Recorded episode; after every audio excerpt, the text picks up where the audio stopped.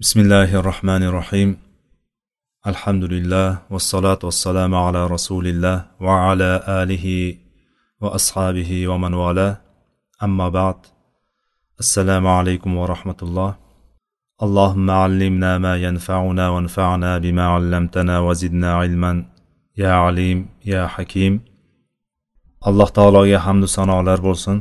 Mana bugun yana riyoz solihin darslarimizda alloh taolo bir o'rtada jamlab turibdi. Alloh taolo bu majlisimizni o'zi rozi bo'ladigan majlislardan qilsin. Bu majlisda bo'ladigan kamchilik xatolarimizni alloh taolo o'zini marhamati fazli bilan o'zi kechirsin. Alloh taolo ana bu majlislarimizga barakotlar bersin va davomli qilsin. Va payg'ambarimiz sollallohu alayhi vasallamga u kishini ahli oilalariga sahobalariga va qiyomatgacha u kishiga yaxshilik bilan ergashadigan jamiki mo'minlarga allohning salot salomlari bo'lsin. Biz riyozi solihin kitobidan o'tgan darslarimizda yaxshilik yo'llarining ko'pligi haqida gaplashgandik. Yaxshilik yo'llarini ko'pligini haqiqatda biz guvoh bo'ldik mana hadislardan. Biz xohlagancha amal qilishimiz mumkin ekan yaxshilik yo'llari juda ko'p ekan.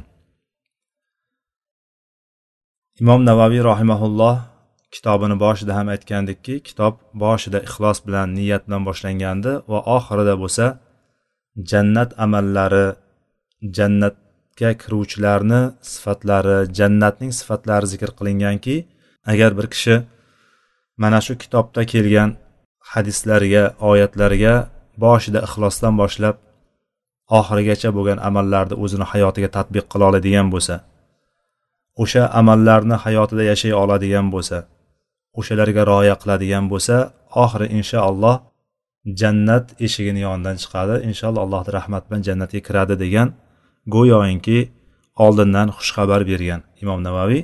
Va bu o'rinda oldingi o'n uchinchi bobida kitobni birinchi kitobimizni o'n uchinchi bobida edik o'tgan safar yaxshilik yo'llarini ko'pligi haqida edi.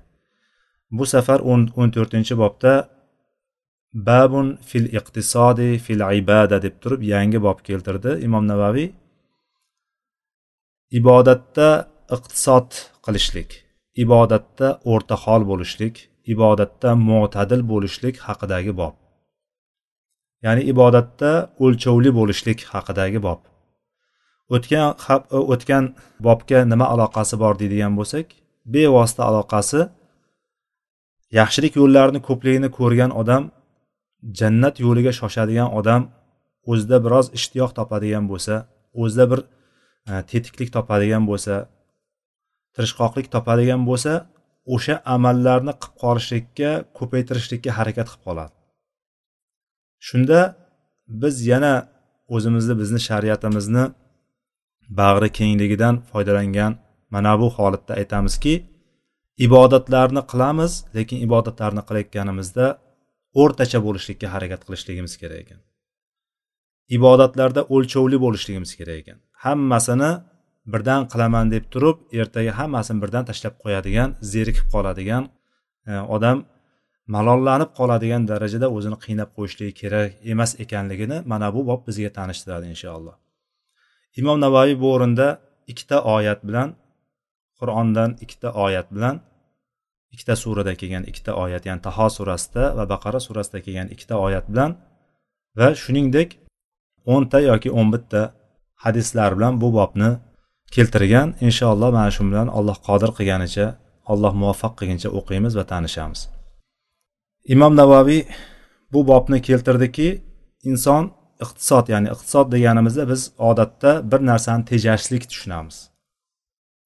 O'zimizni iqtisodiy holatimiz deydigan bo'lsa iqtisodni to'g'irlash kerak. Birinchi iqtisod keyin siyosat degan gaplarni eshitadigan bo'lsak ya'ni iqtisod insonni hayotdagi yashash tarzi o'shanda ishlatadigan narsalarni tejashchilik degan narsa tushunamiz biz. Bu arabchadan olingan o'zi iqtisod degan so'zi mana shu qosadadan undan keyin iqtasadan iqtasadadan chiqqan iqtisod mana shu kalima iqtisodni asosiy ma'nosi inson toatda ibodatda o'lchovli bo'lishlik degani o'rta meyona bo'lishlik degani. Ya'ni ibodatda chuqur ham ketmaydi ya'ni kirishib juda o'zini qiyinga qo'yib turib o'zini mashaqqatga qo'yib qiyinchilikka qarab turib hamma narsani qilaman deb turib ya'ni misol olaylik kunduzlari har doim ro'zador bo'lib yurishlik yoki kechalari umuman uxlamasdan ibodat qilib chiqishlikka o'xshagan ya'ni inson o'zini qiynaydigan amallar bilan emas yoki hamma narsani yig'ishtirib qo'yib turib tashlab qo'yishlik ham emas. Ya'ni bir tarafdan ortiqcha ibodat qilib yuborib ortiqcha qattiq ushlab yuborishlik ham emas bir tarafdan juda bo'sh ham qo'yib yuborishlik emas. Ya'ni g'ayratsizlik e'tiborsizlik ham emas. O'shani o'rtasidagi yo'l degani bu ibodatdagi iqtisod ya'ni ibodatdagi mo'tadillik o'rta miyonalik o'lchovlilik degan. Mana shu bobda imom navaviy birinchi oyatni keltirdi taho surasidan. Taho surasini ikkinchi oyatini birinchi va ikkinchi oyati bu yerda toha deb boshlangan e, asli keltirgan qismi ma anzalna alaykal qur'ana litashqo ya'ni ikkinchi oyatini keltirdi. Imom navaviy bu yerda ikkita oyatni keltirdi. Toha bilan boshlangan ba'zilarni aytganidek bu toha payg'ambar sollallohu alayhi vasallamni ismlaridan bittasi degani emas. Bu ikkita harfdan tashkil topgan ma'no o'zidan bir ma'no anglatmagan ma'nosi chiqmagan ya'ni chunki ikkita harf harf o'z öz o'zidan ma'no hosil qilmaydi qachonki u bir bir biri bilan birikadigan bo'lsa kalima bo'ladigan bo'lsa ana unda kalimadan ma'no chiqadi. Lekin bu yerda ikkita harfni o'zi kelgan. Toha degani to harfi bilan ha harfi ikkalasi yonma yon kelgan toha. Buni ma'nosi yo'q arab tilida aslida. Lekin buni orqasida alloh taoloni ko'zlagan maqsadi bor. Bu huruful muqattaat deydi ya'ni mana shu harflardan ya'ni alifbo harflaridan arab alifbosi harflaridan keltirilgan harflar bularni o'ziga yarasha ma'nolari bor. Ma'nolari ya'ni o'zini o'sha kalima jihatdan ma'nosi emas alloh taoloni bu o'ringa qur'onga keltirishligidan bir maqsadi bor. Bu maqsadini mufassir olimlarimiz aytadiki bu ya'ni sizlar gaplashayotgan o'sha paytdagi arablar u arablarki har bir gaplarini she'riy uslubda gapiradigan arab butun arab tarixida ya'ni arab yarim orolidagi yoki arablar tarixidagi arab xalqlari tarixidagi arab tilini eng adabiyoti kuchli bo'lgan eng rivojlangan davri bo'lgan o'sha davrda alloh taolo o'shalarga xitoban mana shu oyatlarni keltiryaptiki mana shu harflardan tashkil topgan ba'zi harflarni keltiryaptiki qur'on mana shu kalimalardan mana shu mana shu harflardan tashkil topgan qur'on. Sizlar gapirayotgan sizlar she'r o'qiyotgan sizlar adabiyot bilan har xil bir birlaring bilan o'zaro bellashayotgan mana shu harflardan tashkil topgan qani sizlarni qaysi birlaring mana shunga qodir bo'lsalaring qur'ondan bir oyat keltirsalaringchi keltiringlar qani?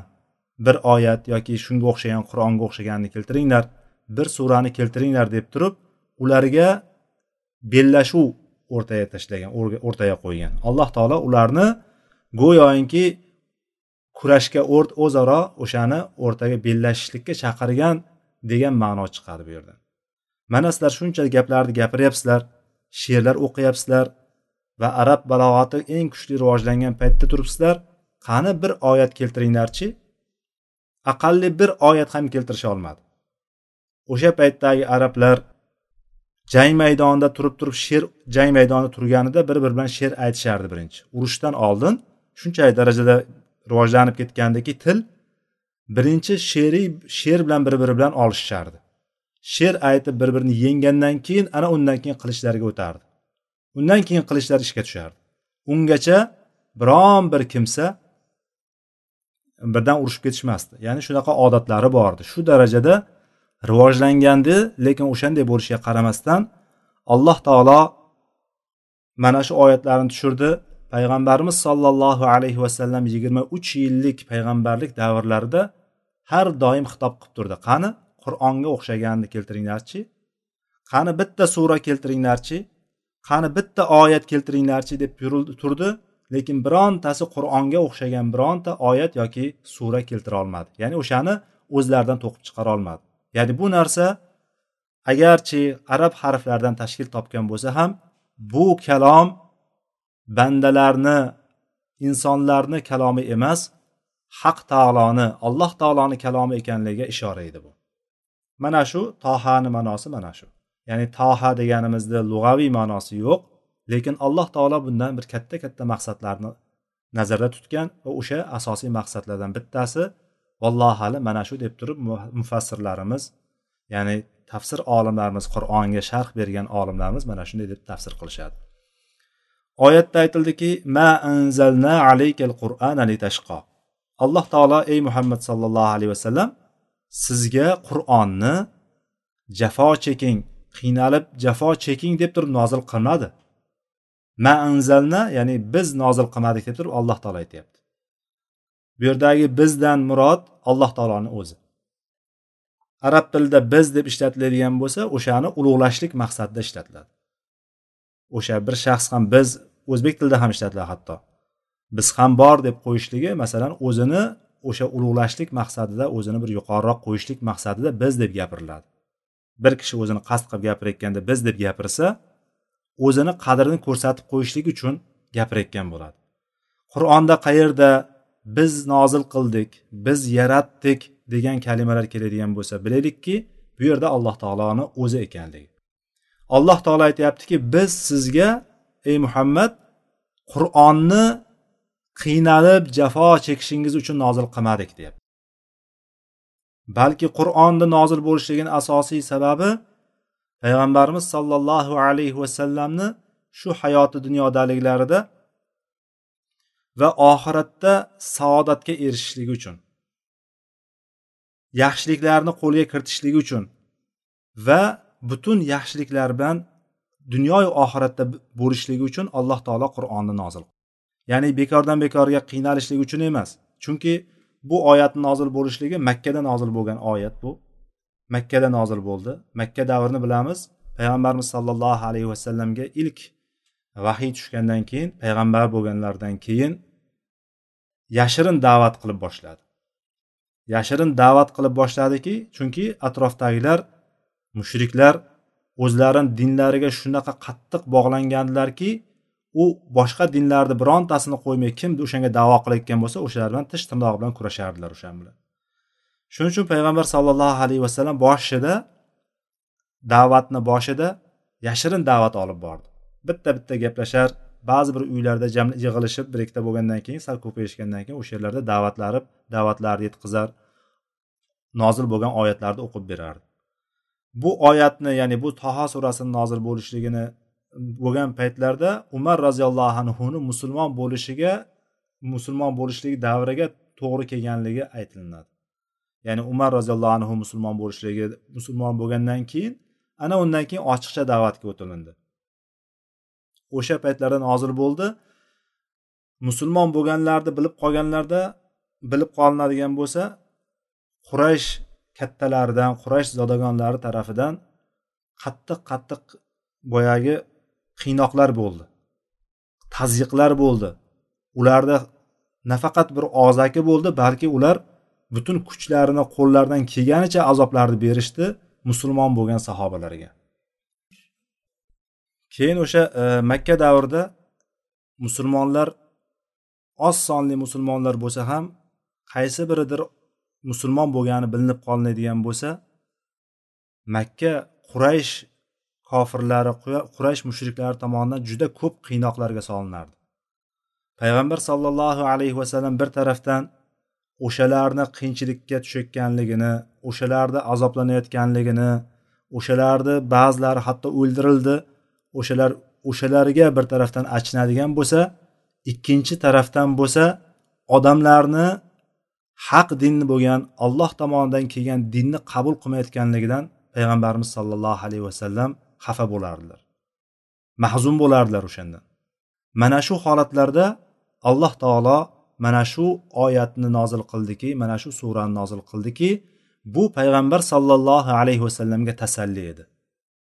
Ya'ni bu qur'onni sizga alloh taolo tushirdi siz qiyinchilik cheking qiynaling mashaqqat mashaqqat cheking deb turib alloh taolo nozil qilmadi. Alloh taoloni nozil qilishligi siz dunyoyu oxiratda saodatga erishing. Butun hamma yaxshiliklarni qo'lga kiriting deb turib alloh taolo nozil qilgandi. Payg'ambarimizga bu oyatlar tasalli berdi. Payg'ambar sollallohu alayhi vasallamga payg'ambar sollallohu alayhi vasallam bu oyatlarni o'qigandan keyin payg'ambarimizni qalbi taskin topdi. Va payg'ambardan ko'zlangan payg'ambardan talab qilingan narsa ham asosan shu edi. Ollohdan kelgan vahiyni odamlarga yetkazishlik edi. Boshqa narsa emas. Payg'ambardan kelgan e, ollohdan kelgan vahiyni yetkazishlik vahiyni yetkazib turib islomga da'vat qilishlik odamlardan bo'lsa qabul turardi. Lekin odamlarni qabul qabul qilmasligi payg'ambarni vazifasi emas edi. Odamlar qabul qiladimi qabul qilmaydimi bu ularga qolgan narsa. Bu ularga qolgan narsa. Buni alloh taolo xohlasa hidoyatini xohlaydigan bo'lsa hidoyatini beradi o'zini yo'liga hidoyatlab qo'yadi va jannatiga uni tayyorlab boradi. Shu dunyoda jannatiy amallarni qildirib ibodatlarni unga oson qilib jannatiga olib boradi. Kimni alloh taolo hidoyatini xohlamaydigan bo'lsa uni xuddi o'sha paytdagi makka quraysh kattalari quraysh mushriklarning kattalari qanday badr kunida o'ldirilib badrdagi chuqurlariga olib borib hammasini yuztuban otilib ustidan shunday o'liklar tashlab ketilganidek chuqurlarga otilganidek o'ladi ketadi. Alloh taolo ularni shu dunyoni o'zida azoblash kam bu ya'ni yetmaganiday oxiratda alamli azoblarga tashlaydi.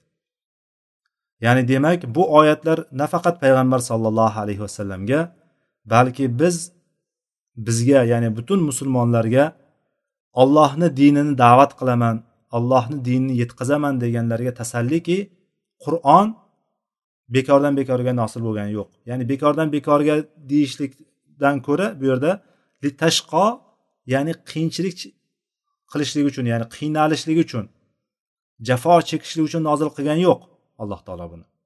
Qur'on saodat bo'lib keldi. Qur'on qur'on baxt bo'lib keldi bizga. Qur'on nafaqat shu dunyoda balki oxiratimizni ham obod qiladigan saodatga erishtiradigan qur'on bizga nozil qilindi. Demak bizga tushadigani faqatgina da'vat qilishlik. Bu yerda qiynalishlik bilan e, yuqorida aytayotgan bobimizda ibodatlarda o'rtacha bo'lishlik o'rta miyona bo'lishlikda bu yerda siz qiynalishligingiz uchun qur'onni nozil qilmadi dedi. Demak bizga qur'onni nozil qilinishligida biz qiynalib o'zimizni qiynashligimiz doimiy qiyinchilikda yurishligimiz emas buni orqasida bizga keladigan katta katta daldalar saodatlar borligi bilan demak ibodatlarda o'rta miyona bo'lishlikka bevosita bilvosita bizga targ'ib bo'lyapti bu yerda. Chunki oyatdan ko'ramizki bu oyatlarni boshqa davomida o'shani ya'ni bu oya qur'onni nozil bo'lishligini qur'onga shu dunyoda amal qilishlikni nima ekanligini mana shu oyatlarni davomida aytadiki alloh taolo ya'ni taho surasini oxirroqlarida bu taho surasini ikkinchi oyati bo'ladigan bo'lsa undan keyin bir yuz yigirma uchinchi oyatidan boshlab turib olloh aytadiki ya'ni odam alayhissalom bilan onamiz havvoni jannatdan tushirilishligi jannatdan yerga tushirilishligi voqeasi zikr qilinadi shu yerda. Ya'ni undan oldingi oyatlarda alloh taolo bitta daraxt bor uning mevasidan yemanglar deb turib ularga ta'kidladi. Shayton sizlarni ochiqdan ochiq dushmanlaring undan ehtiyot bo'linglar deb turib yana ta'kidladi. Lekin ular nafslariga shayton shaytonga ergashgan holatda shaytonga ergashib nafslariga berilib nima qilib qo'ydi? O'sha mevadan yeb qo'ygandan keyin alloh taoloni o'zini aytgan va'dasi ro'yobga oshdi. Ya'ni bundan yemanglar deganligi uchun yeb qo'yganligi uchun ularga jazo sifatida to olloh xohlagan kungacha ya'ni qiyomat kunigacha yerdagi hayot davom etishligini alloh taolo iroda qildi. Va o'shanda ularni jannatdan ikkalaringiz ham har ikkingiz ham tushingiz dedi alloh taolo. Va ayrimlaringiz ayrimlariga dushmandir ya'ni bir birlaringizga sizlarni avlodlaringiz zurriyotlaringiz bir biriga dushmandir dedi. Mana bugungi kunda hammamiz odam alayhissalomni farzandi emasmizmi hammamiz dunyo ahli. Lekin bunday qaraydigan bo'lsak hozirgi kundagi dunyoni ahvoliga bir qaraylik. Hamma bir birini o'ldirgan bir birini haqqini yegan bir birini qirgani qirgan. Hamma tomon parokanda bo'lib yotibdi.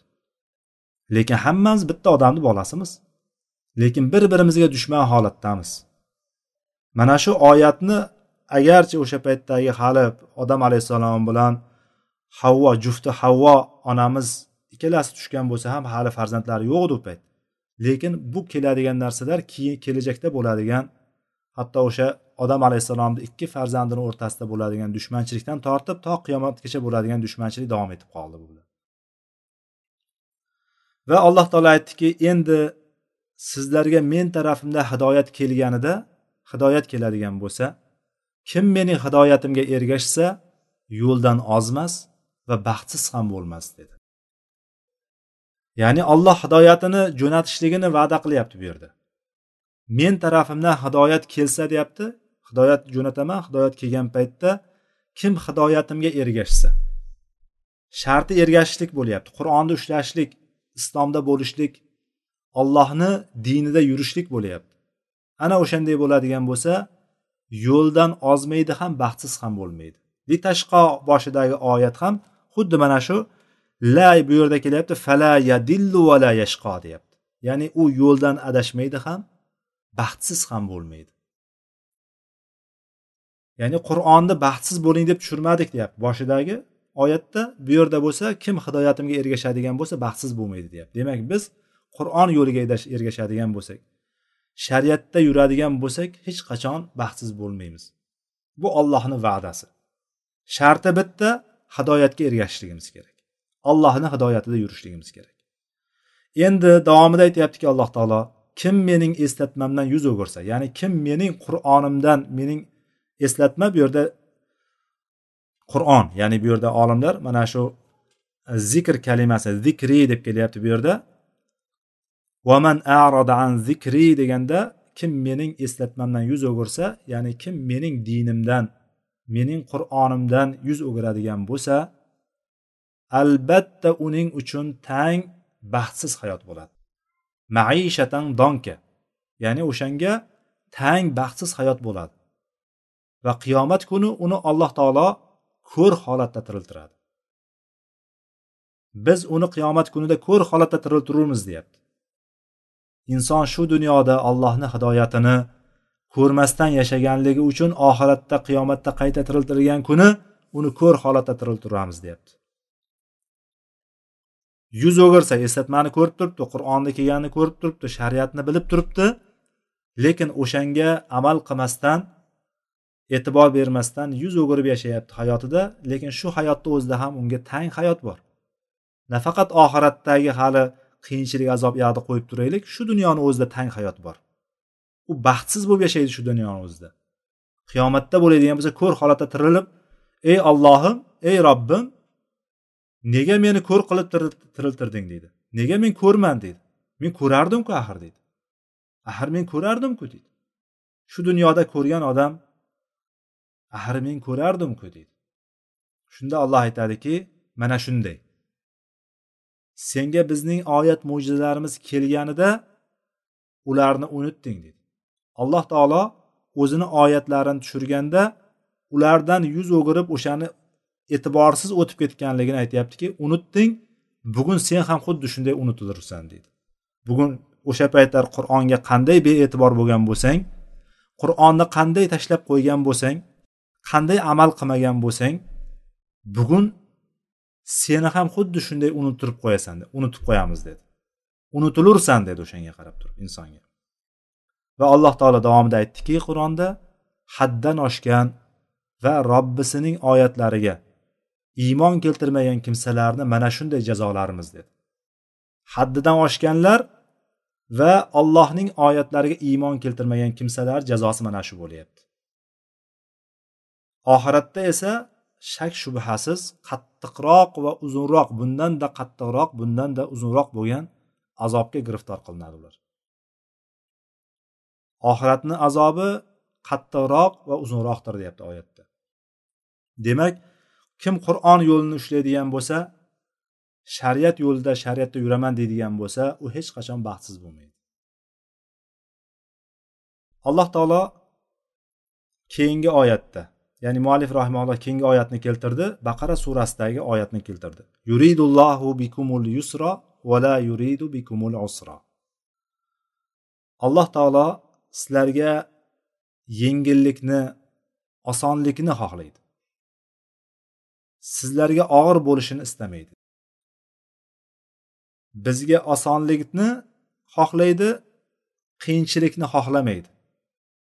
Bizga qiyin bo'lishligini og'ir bo'lishini alloh taolo xohlamaydi. Bu bizni dinimizdagi asos.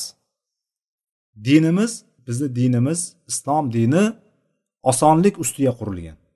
Payg'ambar sollallohu alayhi vasallam ikkita amal qarshisidan chiqadigan bo'lsa qarshisida ikkita amal. Ikkalasidan bittasini qilishlik kerak bo'ladigan bo'lsa o'shandan agar gunoh bo'lmaydigan bo'lsa o'sha ishda o'sha ishdan osonrog'ini tanlar edilar.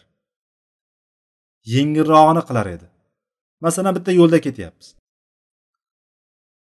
Deylik o'zimizni bironchi joyga bormoqchimiz. Samarqandga bormoqchimiz deylik toshkentdan samarqandga bormoqchimiz. Ikkita yo'l bor. Bittasi aylanib turib o'tib ketadigan u sirdaryo oblastini orqa tarafdan aylanib o'tib ketadigan havos orqali o'tib ketadigan yo'l bo'lsa ikkinchisi bu tarafdan betonka tarafdan o'tib ketishlik bor bo'ladigan bo'lsa qaysi biri yengil betonka tarafdan boradigan bo'lsa bir necha kilometr yaqinroq boradi misol. Ya'ni dunyoviy misollarga keltirib solishtirib tushuntiryapmanda buni. Yetib borishi osonroq bo'lgan yo'lni tanlash kerak. Yo'q men bu yoqdan borishim kerak biroz qiyinchilik chekishim qiyinchilik qiladigan bo'lsam biroz qiynaladigan bo'lsam savobi kattaroq bo'ladi degan tushunchani olishimiz kerak emas. Chunki alloh taolo bizga yengillikni xohladi. Og'ir bo'lishini qiyinchilik bo'lishini xohlamadi alloh taolo. Bu qachon nozil bo'ldi? Bu oyatlar bu oyatni o'zi bir parcha olingan baqara surasini bir yuz sakson beshinchi oyatida shahru ramazon allazi unzila fihil qur'an hudal linnasi va bayinatin minal huda val furqon oyatidan davomi bu ya'ni ramazon oyat ramazon kunlarida ro'za tutishlikka farz qilinganligi zikr qilingandagi oyatlarda hukmlarda keladi. Mana hozir shabon oyida turibmiz. Alhamdulillah bugun allohu alam yettinchi shabon bo'lsa kerak. Oldimizda ramazon turibdi. Alloh taolo hammamizni ramazonga yetkazsin ramazonni alloh taolo o'zi xohlaganidek chiroyli suratda ibodatlar bilan ro'zalar bilan o'tkazishligimizni hammamizga nasib qilsin o'zi muvaffaq qilsin o'zi tavfiq bersin. Mana shu ramazonda go'yoki inson agar mana bu hozirgi kunlarimiz issiq kunlar. Alhamdulillah mana bu yil bu yil va kelasi yil eng quyoshda qattiq qizdirgan payti va kunlarni eng uzun bo'lgan paytlariga to'g'ri keladi. O'n yettinchida yoki o'n olti yoki o'n yettida kiradi degan taxminlar bor hozir. Umumiy aytishligi bo'yicha inshaalloh bu oyga qarab turib yanada aniq bo'ladi. Oyni chiqishligiga hilolni ramazon hilolini chiqishligiga qarab turib yanada aniq bo'ladi. o'n yettinchi iyunda boshlanadi deyapti misol hozir. Endi ro'za tutishlik hozirgi kunda eng qiyin paytiga to'g'ri keldi desak mubolag'a bo'lmaydi. Kunduzlari juda uzun va ham issiq. Kechalari qisqa.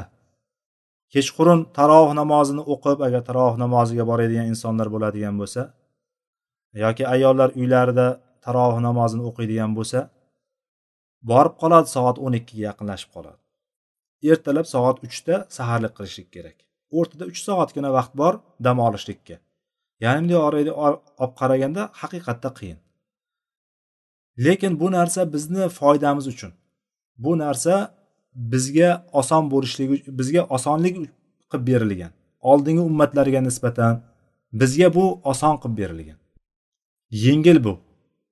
Inson o'zida sog'lom bo'ladigan bo'lsa va muqim bo'ladigan bo'lsa safarda bo'lmaydigan bo'lsa unga oson o'shani agar harakat qilaman deydigan bo'lsa chidasa bo'ladi va mana bu chidayotgan paytida mana shunga sabr qilayotgan paytida chanqaydi albatta qiynaladi. O'sha qiyinchiliklar chekayotgan paytda qiyomatdagi issiq bo'ladigan holatlarni qiyomatdagi tashnaliklarni bir eslash kerak bo'ladi. Ya'ni o'sha kunga qarab turib shu dunyoda tayyorgarlik ko'rishlik kerak bo'ladi. Ertaga o'shanday bir holatdan bundan bir necha barobar boshqacha qattiqroq bo'lgan holatlarda qanday kunim kechadi ekan degan bir holatni o'ylashimiz kerak bo'lsa bir tarafdan. Ikkinchi tarafdan qashshoq o'lkalarda yoki qashshoq bo'lgan qiynalib qolgan kambag'allikdan yeydigan taomi bo'lmasdan hatto ba'zi bir joylarda ichadigan suvi bo'lmasdan qolgan birodarlarimizni o'ylab turib o'shalarni eslashlik bo'ladi va o'shalarga yordam qo'lini cho'zishlikka harakat qilishligimizga targ'ib bo'ladi bunda. Va doimiy to'q yurgan kunlarimiz emas biroz och bo'lishlikni ham his ochlikni ham chanqoqligini ham his qilishligimiz kerakki qalbimizda taqvo hosil bo'lsin. Chunki ro'zani insonlarga mo'minlarga ramazon ro'zasini tutishlik farz qilindi. Asosiy ko'zlangan maqsadlardan bittasi laallakum tattaqun alloh taolo buni illatini sizlar taqvodor bo'lsalaringiz deb nozil qildik deyapti alloh. Laallakum tattaqun kutiba alaykum ya ayyuhallazina amanu. Kutiba alaykumus siyamu kama kutiba alallazina min qablikum laallakum tattaqun ey mo'minlar sizlarga oldingi ummatlarga farz qilinganidek ro'zani farz qildikki taqvodor bo'lsalaringiz deb deyapti. Taqvo hosil bo'lishligi kerak. Qalbimizda biz hosil qilishligimiz kerakki biz allohga muhtoj ekanligimizni his qilishligimiz kerak. Biz yeydigan narsaga ichadigan narsaga muhtoj ekanligimizni his qilishligimiz kerakki qalbimizdan kibrlar o'chsin. Alloh taoloni tanishlikka bo'lgan e'tiborimiz kuchaysin. Lekin bu narsa hammaga hammi? Yo'q. Kim safarda bo'ladigan bo'lsa safarga chiqadigan bo'lsa safarda qiyinchilik bo'ladi. Safarda baribir qiyinchilik bo'ladi. Safarga chiqqanda hozirgi kundagi yengil yengillashgan bo'lsa ham har qancha yengillashgan bo'lsa ham masalan hozirgi kunda samolyotlarda uchib boradigan bo'lsa ham yoki mashinada yoki avtobuslarda yoki poyezdlarda oson borib oladigan bo'lsa ham oldingi paytlarda kunlab yuradigan narsalarda bir necha soat yetib olinadigan bo'lsa ham baribir o'shanda ham qiyinchilik qiynaladi odam. Mana shu qiyinchilik paytlarida safarda bo'ladigan bo'lsa ro'zani ochishlikka o'sha paytda safarda bo'lganda ro'za tutmaslikka alloh taolo izn berdi ruxsat berdi. Va boshqa kunlarda tutib beramiz o'shani. Yoki kasal bo'ladigan bo'lsa ramazonga kasal bo'lib qoladigan bo'lsa inson ro'za tutolmaydigan holatdagi ro'za tutsa qiynalib qoladigan darajadagi kasali bo'ladigan bo'lsa o'shanga ham alloh taolo ruxsat berdi. Va u tuzalgandan keyin keyingi ramazongacha bo'lgan o'n ikki oy o'n bir oy ichida o'sha tutib qo'yishligi kerak bo'ladi. Mana bu o'shalarni aytgandan keyin safarda bo'ladigan bo'lsa boshqa kunlarda tutadi kim kasal bo'ladigan bo'lsa boshqa kunlarda tutadi degandan keyin alloh taolo yuridullohu bikumul yusra va la yuridu bikumul usr dedi. Sizlarga alloh taolo yengillikni xohlaydi. Sizlarga og'ir bo'lishini xohlamaydi deb turib o'sha o'rinda aytdi. Demak kasal bo'lsa ham tutasan ya'ni sizlarga mutloq farz qilindi deganda edi alloh taolodan bizga qiyin bo'lib qolgan bo'lardi lekin alloh taolo bu narsani xohlamadi. Demak dinimizni asli nima ekan? Dinimizni asli yengillik ustiga qurilgan. Shuning uchun payg'ambar sollallohu alayhi vasallam sahobalariga yengillashtiringlar osonlashtiringlar qiyinlashtirmanglar. Odamlarga xushxabar berib turib nafratlantirib qochirib qo'ymanglar deganlar. Muoz ibn jabalni yamanga jo'natayotgan paytda ham ahli kitoblardan bittasini ahli kitobdan bo'lgan insonlarni yoniga ketyapsan sen. U payt yaman ahli nasroniy bo'lgan. O'shalarga borib turib dinni yetkazayotgan paytda oson qilgin qiyinlashtirmagin degan. Odamlarga xushxabar bergin. Ularni dindan nafratlantirib qo'ymagin deganlar. Bu dinimizni asli. Asosiy prinsiplardan bittasi. Shuning uchun biz dinda o'rta bo'lishlikka dinni bilib bilib o'zimizga qiyin qilib turib ertaga qiynalib qolishligimiz uchun emas dinni oson taraflarini hamma tomonda osonlik ekanligini bilishligimiz kerak. Hatto safarga chiqqan odam ham safarga chiqqan odam ham namozlarni qasr qiladi. To'rt rakatli namozlar ikki rakatga tushadi. Peshin bilan asrni shom bilan xuftonni o'rtasini jamlashlik hukm beriladi ya'ni osonlashtiriladi. Qaysi bir holat qulay bo'ladigan bo'lsa o'shasini qiladi. Bu bilan hamma tomon yengillik. Mana ro'zani aytdikki ro'zani ham agar safarda bo'ladigan bo'lsa ixtiyor. Agar qiynalmaydigan safarda bo'ladigan bo'lsa ham mana shu alloh taoloni ruxsatini olib turib tutmasa joiz bo'laveradi. Ya'ni gunohkor bo'lmaydi boshqa kunda tutib beraveradi.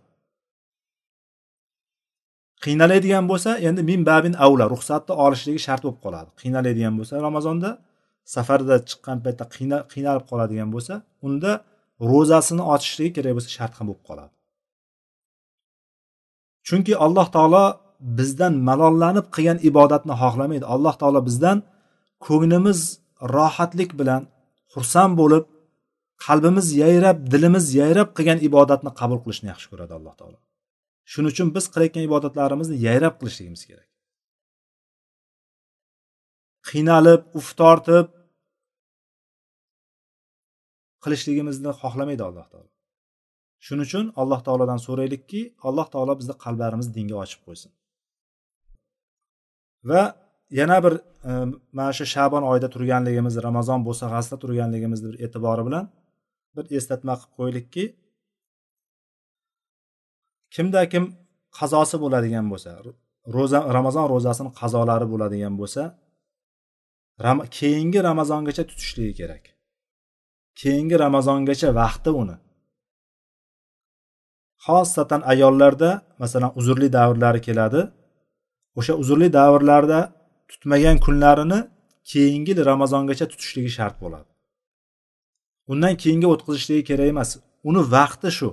Keyingi ramazongacha vaqti hisoblanadi. Undan uyog'iga o'tadigan bo'lsa undan keyin hukmlar o'zgaraveradi.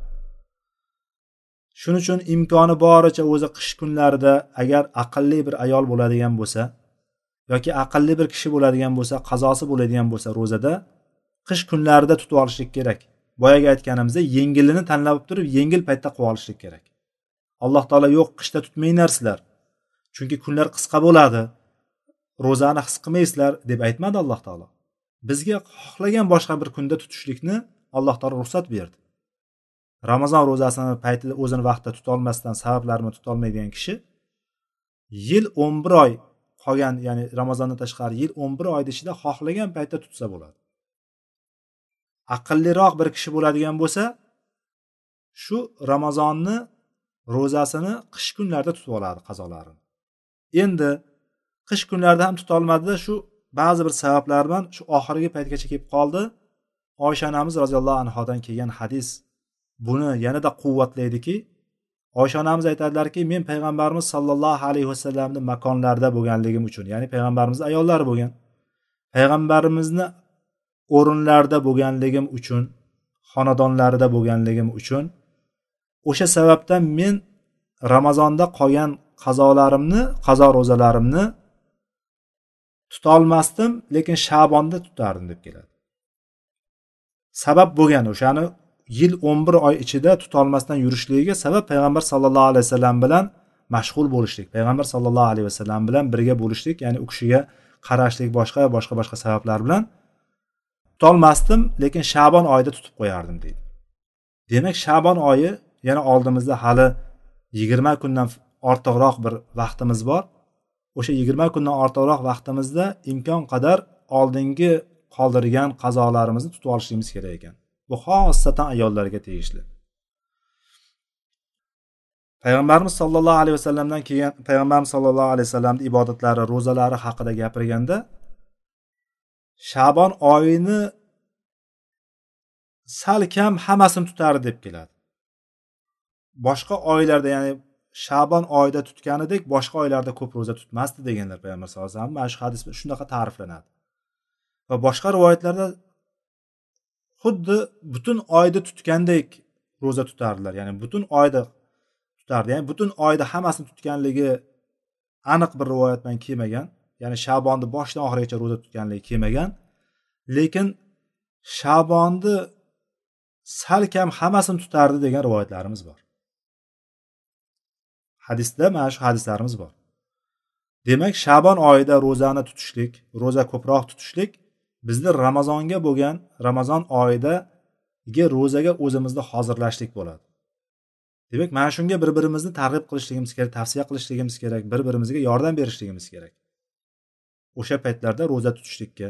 Agar yil o'n ikki oy davomida ko'p ro'za tutmaydigan ro'za tutishlikka ya'ni ro'za tutishlikdan biroz tambarroq bo'lgan biroz dangasa bo'lgan yalqov bo'lganlarimiz bo'ladigan bo'lsa ayollarimiz erlariga erlarimiz ayollariga yoki farzandlariga tavsiya qilaylikki shu shabon oyida biroz ro'zalarni ko'paytiraylik. Hech bo'lmasam shu oyni o'rtasidagi ayyamul biz degan oydin kechalarda tutiladigan oydin kechalari bor kunlarda tutiladigan ro'zalar.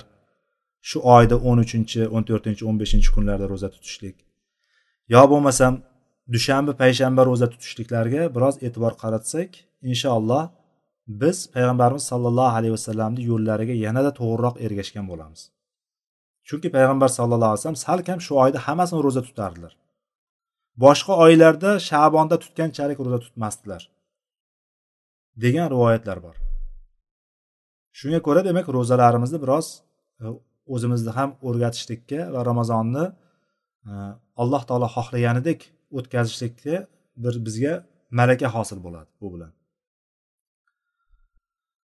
Alloh taolo bu oyni chiroyli o'tkazishligimizni va ramazonga alloh taolo bizni yashatib o'sha ramazonga yetkazadigan bo'lsa ramazonni go'zal suratda o'zi xohlagandek kim ramazon ro'zasini iymon bilan ehtisob bilan ya'ni iymon va allohdan savob umid qilgan holatda tutadigan bo'lsa gunohlar mag'firat qilinadi degan va'dasiga erishishlikni alloh taolo hammamizga nasib qilsin. Muallif rahimaulloh hadis keltirdi. Bu hadis meni kitobimda bir yuz qirq oltinchi hadis ekan ba'zi kitoblarda bir yuz qirq to'rt ham bo'lib kelgan ekan ba'zi kitoblarda bir yuz qirq ikki ham bo'lib kelgan ekan xullas meni kitobimda bir yuz qirq oltinchi hadis oysha roziyallohu anhodan kelyapti bu bobning birinchi hadisi ya'ni ibodatda o'rta meyona bo'lishlik haqidagi bobning birinchi hadisi an aysha roziyallohu anha أن النبي صلى الله عليه وسلم دخل عليها وعندها امرأة قال من هذه قالت هذه فلانة تذكر من صلاتها. قال مه عليكم بما تطيقون فوالله لا يمل الله حتى تملوا وكان أحب الدين إليه ما دوام صاحبه عليه. متفق عليه حديث. oysha roziyallohu anhodan rivoyat qilinyapti onamiz oysha roziyallohu anho payg'ambar sollallohu alayhi vasallam bir kun uni huzuriga kiribdi ya'ni oysha onamizni huzurlariga ya'ni oysha onamizni xonadoniga kelganlarida uning huzurida bir ayol o'tirgan ekan. Undan so'radiki payg'ambarimiz oysha onamizdan so'radi man hadihi bu kim? deb so'radi. Bu falonchi deb aytdi va uni namozlari haqida zikr qilyapti namozlari haqida aytyapti deb turib oysha onamiz o'sha ayolni ko'p namoz o'qishligini kechalarda namozni ko'p o'qishligi haqida payg'ambarimizga xabar berdi. Ya'ni o'sha haqida gapirib o'tiribdi menga deb turib aytdi. Shunda payg'ambarimiz sollallohu alayhi vasallam bo'ldi qilinglar dedilar. Mah dedi ya'ni bas qilinglar bo'ldi to'xtanglar deganda shunaqa bir e, biroz e, o'zbek tilida qanday aytsak bo'lar ekan? O'zbek tilida biroz e, o'shani to'xtatishlikka ishora bo'lgan biroz qattiqroq gapi bu. Mah degan bo'ldi qilinglar. Tamom. Bas qilinglar. Alaykum bima tutiqun. Sizlar o'zlaringga toqatlaring yetadigan narsani kuchlaringga yetadigan narsani qilinglar. Toqatlaring yetadigan ya'ni kuchlaring yetadigancha narsa amal qilinglar. Allohga qasamki favallohi allohga qasamki sizlar malollanib qolmaganlaringcha alloh taolo malollanmaydi dedilar.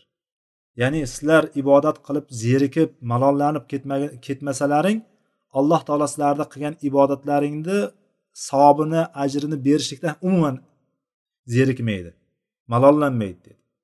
Ya'ni biz har qancha ko'p ibodat qilaveradigan bo'lsak alloh taolo savobini beraveradi. Lekin biz ko'p ibodat qilib turib ertaga zerikib qolishligimiz mumkin. Qilib qilib qilib qiynalib qolgandan keyin ibodatdan malollanib qolishligimiz mumkin. Уже ibodat yoqmay qoladigan nafsimizga og'ir keladigan bo'lib qolishligi mumkin. Ana o'shandaqa bo'lmaydigan bo'lsa alloh taolo savobini berishlikdan zerikmaydi dedi payg'ambarimiz. Va aytdilarki davomida va kana ahabbuddini ilayhi ma davama sohibuhu alayhi dedilar. Allohga eng yaxshi ko'rilgan ibodat bu yerda ahabbuddin deb kelyapti. Dinning eng yaxshi ko'rilgani degandan bu yerdagi din ibodat ma'nosida ishlatilyapti. Alloh taologa ibodatning eng yaxshi ko'rilgani ibodat qiluvchi ya'ni sohibuhu alayhi ma davoma sohibuhu deyapti. O'sha ibodat qiluvchi kishi o'sha ibodatda davomli bo'lgani alloh taologa eng yaxshi ko'rilgani dedi. Ibodatning eng yaxshi ko'rilgani alloh taologa. Qiluvchi o'sha ibodatda davomli bo'lishligidir. Mana shu hadisni rivoyat qildi. Bu hadis imom buxoriy va muslimda rivoyat qilingan muttafaqun alayhi hadis ekan. Bu yerda oysha onamizni holatlariga qaraydigan bo'lsak payg'ambarimiz kirib kelganda oysha onamizni xonadonida ya'ni payg'ambarimizni xonadonida bir begona ayol o'tiribdi. Sahoba boshqa bir ayol.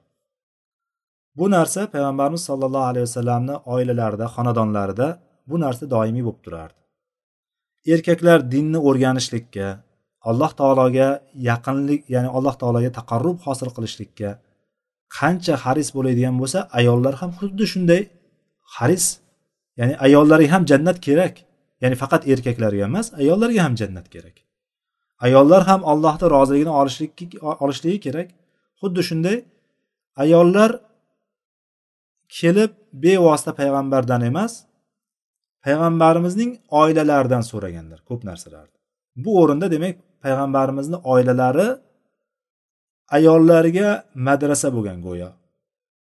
Madrasa manzilatida bo'lgan. Ayollar madrasasi. Ayollarni maktablari manzilatida bo'lgan. Ayollarda biron bir masala chiqib qoladigan bo'lsa ayollar kelishardi. Payg'ambarimizni oilalaridan kelib turib o'zlarini holatlarini aytishardi. Biron bir masalalari bo'ladigan bo'lsa biron bir muammolari bo'ladigan bo'lsa o'shanga yechim olib ketardi.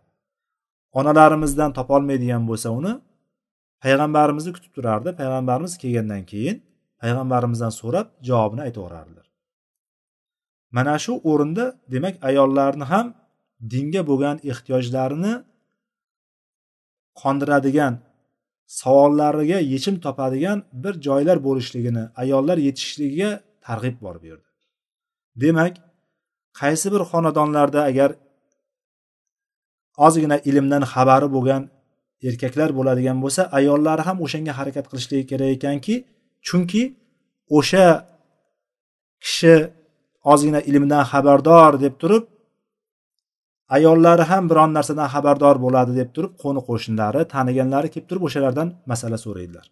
Demak mana shu narsani bu narsani biz payg'ambarimiz sollallohu alayhi vasallamni xonadonlarida mana ko'ryapmiz. Bu narsa doimiy bo'lardi. Hatto shu darajada ediki oysha onamizni yoniga uzrli holatlardan keyin o'shani tugagan tugamaganligini bilishlik uchun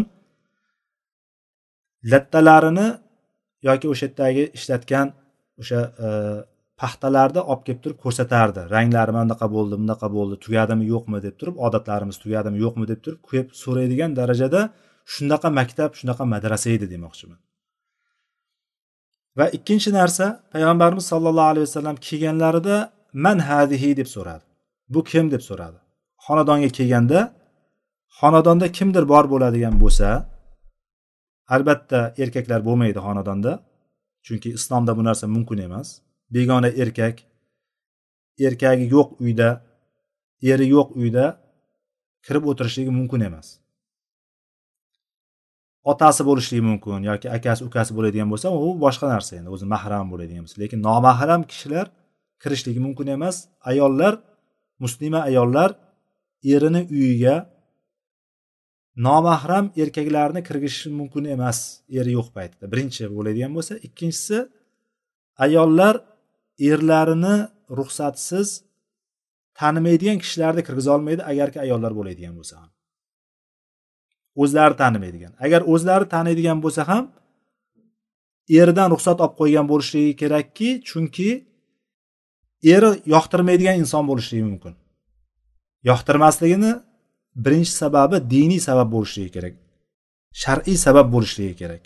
O'sha ayolda bo'xton ko'p bo'ladigan tuhmat ko'p bo'ladigan yoki g'iybati ko'p bo'ladigan har qanday ya'ni bir kelgan paytda o'sha oilani ostin ustun qilib ketadigan bir tabiatdagi ayol bo'ladigan bo'lsa o'shani uyimga kirgizmaysan deyishlikka er haqli.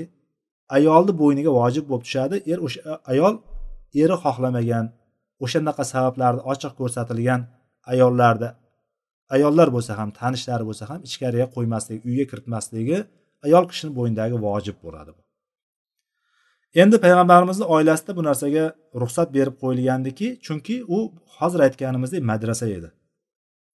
Ayollar kelib diniy masalalarini o'zlarini hayotdagi muammolarini onalarimizdan payg'ambarimiz sollallohu alayhi vasallamni ahillaridan oilalaridan kelib so'rab masalalariga muammolariga yechim topib ketardi. Va payg'ambar sollallohu alayhi vasallam kelganda bu kim deb so'rashligini ham hikmati borki agar er erkak kishi uyga kelganda uyda kimdir bo'ladigan bo'lsa albatta uni ko'rmaydi boshqa xonada bo'ladi chunki parda bo'ladi hech bo'lmasam ochiq shunday kirib kelavermaydi erkak kishi ham uyiga agar bironta ayol kishi bo'ladigan bo'lsa kirib keladigan bo'lsa uyda kimdir bo'ladigan bo'lsa ayoldan so'rashligini payg'ambarimizni mana bu so'raganlaridan demak mana shu narsani so'rashlik kerak ekanligi kelib chiqadi. Kim bu deb so'radi? Demak erkak kishi uyga kelganda bironta ayol bo'ladigan bo'lsa kim kim bor uyda deb so'rashlik kerak bo'ladi. Sababi ayoli e'tiborsiz bo'lib qoladigan ba'zi bir narsalar bo'ladigan bo'lsa eri biladigan holatlar bo'lishi mumkin. Balki u fitnachi ayoldir. Balki niyati buzuq bir ayoldir. Yoki bir g'iybatchi ayoldir. Olloh bilir. Olloh biladi bu narsani. Shuning uchun mana shu narsalarga kelganda so'raydi va o'shanga qarab turib ish qilish kerak bo'ladi. Payg'ambarimiz sollallohu alayhi vasallam bu kim? deb so'radi. Bu ayolni bizni manbalarimizda aytiladiki havla binti e, tuvayt havla binti tuvayt roziyallohu anho ekanligi zikr qilinadi. Buni imom muslimning boshqa bir rivoyatida zikr qilingan. Mana shu ayol havla binti tuvayt roziyallohu anhu ekan. Payg'ambarimizga uni chiroyli namoz ko'p namoz o'qishligini aytdi. Kelganda ko'p namoz o'qiydi deb aytdi. O'sha namozlari haqida gapiryapti menga namozlarini aytib beryapti hozir deganda payg'ambarimiz sollallohu alayhi vasallam go'yo boyagini dakki berganday bo'ldi mah dedi. Bas qilinglar dedilar. Chunki inson doimiy namoz o'qiydigan bo'lsa bir kun kelib turib malollanib qoladi charchaydi bir kun kelib turib. O'shaning uchun payg'ambarimiz toqatlaring yetganini qilinglar dedilar.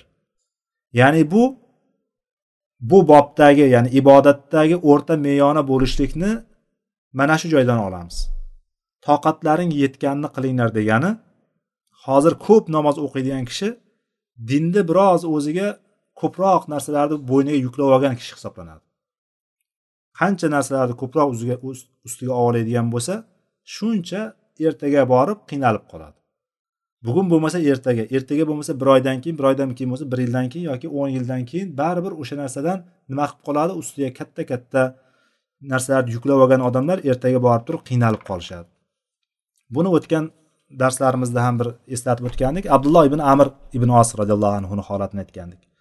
Abdulloh ibn amr ibn os roziyallohu anhu shunchalik darajada ibodatga berilgandiki kunduzlari har doim ro'zador kechalari doimiy namozda bo'lardi. Hatto uylantirib qo'ygandan keyin ayoli bilan ham o'sha yangi kelin kuyov bo'ladigan bo'lgan taqdirda ham shu ayoliga ham qaramagan. Shu darajada ibodatga qattiq berilgan sahoba bo'lgan. Bu narsani payg'ambarimizga otasi shikoyat qilgandan keyin amr ibn os roziyallohu anhu shikoyat qilgandan keyin payg'ambarimiz sollallohu alayhi vasallam unga tavsiya qiladi. Sendan mana shu narsani eshitdim.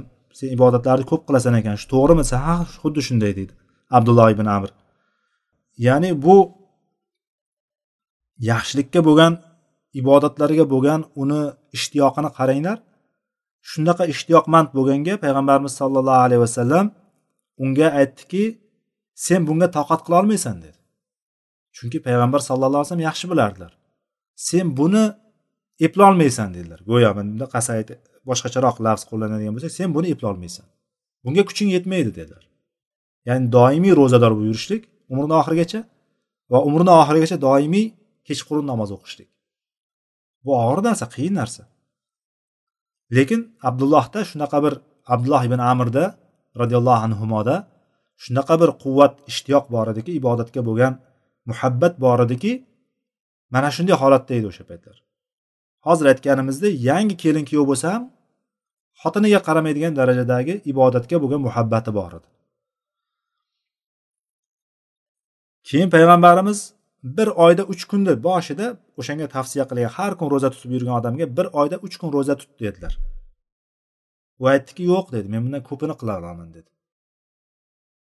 Ya'ni mendan bundan ko'piga ham kuchim yetadi dedi. Payg'ambarimiz bir kun ro'za tutda ikki kun ro'za tutma dedilar. Bo'lmasam dedi bir kun ro'za tutib ikki kun ro'za tutmasdan yurishlik. Ya'ni uch kunda bir ro'za tutishlik degani. O'rtada ikki kun dam oladi bir kun ro'za tutadi. Shunaqa tut deganda yo'q bundan ham ko'piga rozi kuchim yetadi men deganda payg'ambarimiz bo'lmasam bir kun ro'za tut bir kun ro'za tutma dedilar. Ya'ni bir kun ochiq yuradi bir kun ro'za tutadi. Shunaqa tut deganda yo'q bundan ham ko'piga toqat qilaman degani ya'ni o'zini qilib yurganiga olib kelyapti yana. Har kun ro'za tutishga olib kelyapti. Payg'ambarimiz aytdilarki bundan ko'pi yo'q dedilar. Ro'zani bundan ko'pi yo'q dedi. Asli yo'q. Mana dinimizda demak har kun ro'za tutishlik degan narsa yo'q. Illo ramazondan tashqari. Ramazonda alloh taolo farz qildi har kun ro'za tutishligimizni lekin boshqa oylarda sabab bo'ladigan bo'lsa kafforati bo'ladigan bo'lsa masalan paydarpay orqama ketin oyma oy bironta kunda ham uzmasdan turib ikki oy ro'za tutishlik degan narsa bor u boshqa narsa. Kafforat ro'zalari bor mana shu. Undan tashqari kimdir agar bir oy yoki o'n kun yoki yigirma kun paydarpay ro'za tutaman deb qo'yib va'da qilib qo'ygan bo'ladigan bo'lsa o'ziga nazr qilib qo'ygan bo'lsa u tutishligi mumkin. Lekin qolgan paytlarda doimiy ro'zador bo'lib yurishlik yo'q dinimizda.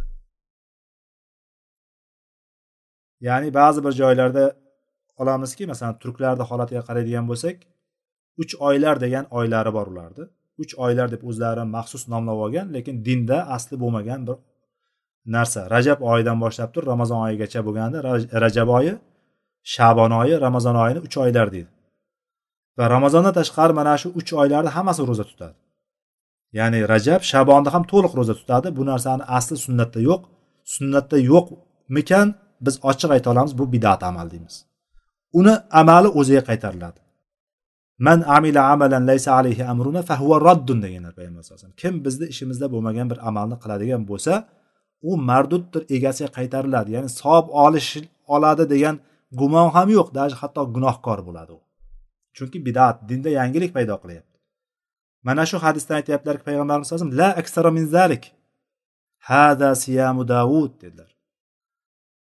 Ro'zani bir kun tutib bir kun ochiq yurishlikdan ko'prog'i yo'q dedilar. Chunki bu hada chunki bu siyamu davud. Bu davud alayhissalomni payg'ambar davud alayhissalomni ibodati eng yuqori cho'qqida turgan ibodatlarni qilishlik mumkin bo'lgan kishi qila oladigan toqat qilish mumkin bo'lgan ibodatlarni eng yuqori cho'qqisi dovud alayhissalomni ibodatlari hisoblanadi. Mana shu dovud alayhissalomni ibodatini ro'zadagi holati bir kun ochiq yurib bir kun ro'za tutishlik ekan. Payg'ambarimiz shuning uchun aytdiki ro'zani bundan ortig'i yo'q bu dovud alayhissalomni ro'zasi dedilar.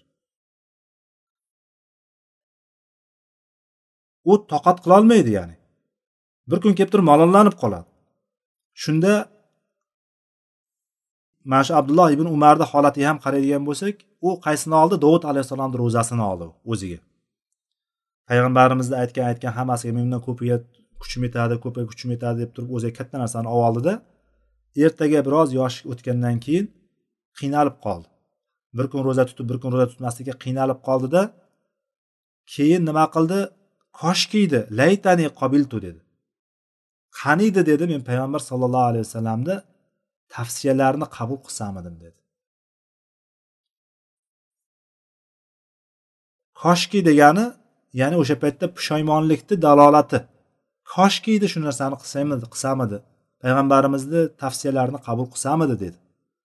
Va shunaqa qiyin kelganidan o'n besh kun tutib o'n besh kun ochiq yuradigan bo'ldi. Ya'ni bir kun bir kun qilishlik insonga og'ir keladi lekin paydarpay o'n kun yoki o'n besh kun tutib yana o'n besh kun ochiq yuradigan bo'lsa qolgan o'n besh kunda biroz kuch yig'ib olishligi mumkin. Mana shu yo'lni tutdi ya'ni. Oyni yarmida yarmida bo'ladi baribir ikkalasi ham bir xil lekin bir kun tutib bir kun ochiq yurishlik o'n besh kun tutib o'n besh kun tutmaslikdan ko'ra avloroq. Biroz inson quvvat oladi o'n besh kunda lekin narigi kunlarda bo'ladigan bo'lsa quvvat olishlikka ulgurmay ham qoladi. Bir kun ochiq bir kun ro'za tutadigan bo'lsa. Abdulloh ibn amir roziyallohu anhu oxirgi kunlarida keyin o'shani o'sha ibodatini tark qilmasdan o'n besh kun ro'za tutib o'n besh kun ochiq yurgan ekan. Mana bu narsa insonga ko'rsatadiki demak bir kun malollanib qoladi. Toqati hozir yetib turadigan bo'lsa ibodatni ko'p qilib ko'p narsalarni o'ziga yuklab olishlik ertaga bir kun malollanib qoladigan bo'lsa bu malollanishligi o'zigagina faqatgina o'ziga ziyon bo'ladi. Shuning uchun payg'ambarimiz qasam bilan aytdiki allohga qasamki alloh taolo malollanmaydi sizlar malollanib qolmaginlaringgacha dedi. Biz demak ibodatdan malollanib qoladigan bo'lsak alloh taoloni demak biz malollanayotgan bo'lamiz. Shuning uchun inson bir amalni mana allohga eng yaxshi ko'rilgan ibodat qaysi ekan? O'sha ibodatda davomli bo'lishligi ekan.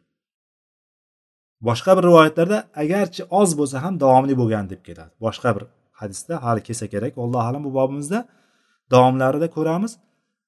Aytilyaptiki bu yerda ibodatni eng yaxshi ko'rilgani doimiy bo'lganligi. Biz bugun ko'p ibodat qildik deylik kun bo'yi qur'on o'qidik. Kechqurun soat o'n ikkida turdikda ertalab bomdodgacha namoz o'qidik. Bir kun qilib turib yoki bir hafta qilib turib butun tashlab qo'yishligimiz demak allohga yaxshi ko'rilmaydi bu narsa. Biz kunduzida ma'lum bir o'zimizga vaqt ajratib qo'ysak qur'on o'qishlikka yarim soat deylik eng kam nima yarim soat deylik yoki bir soat qur'on o'qiylik kunduzi yoki kechqurun. Kechasi qodir bo'ladigan bo'lsak turib ikki rakat namoz o'qib o'shani davomli olib ketadiganimiz bir oy yoki ikki oy kechasini aksariyat qismda namoz o'qib turib tashlab qo'yganimizdan afzal hisoblanadi. Mana bu hadislar dalolatiga ko'ra. Payg'ambarimiz sallallohu alayhi vasallam allohga yaxshi ko'rilgan amal kichkina bo'lsa ham arzimagan amal bo'ladigan bo'lsa ham o'shani davomli bo'lgani degandir. Shuning uchun e, biz ibodatlarni bir o'zimizga ibodat yo'llari ko'p ekan hamma ibodatni qilib qolsa bo'lar ekan deganimiz bilan o'zimizga toqatimiz yetadigan va doimiy qila oladigan amallarimizni o'zimizga bir rioya qilib qo'yadigan bo'lsak o'sha amallarni tark qilayotgan paytimizda tark qilishlikdan nafsimiz qiynalib o'shanga intiladigan bo'lib turib qiladigan ibodatlarni o'zimizga lozim qilib oladigan bo'lsak inshaalloh mana bu hadislardan ko'zlangan maqsadni qo'lga kiritgan bo'lamiz alloh taolo bizga tavfiq bersin alloh taolo ibodatlarda bardavom bo'ladigan o'zi yaxshi ko'radigan ibodatlarni qilishlikni alloh taolo bizga muvaffaq qilsin vallohu alam سبحانك اللهم وبحمدك أشهد أن لا إله إلا أنت أستغفرك وأتوب إليك وآخر دعوانا أن الحمد لله رب العالمين والسلام عليكم ورحمة الله وبركاته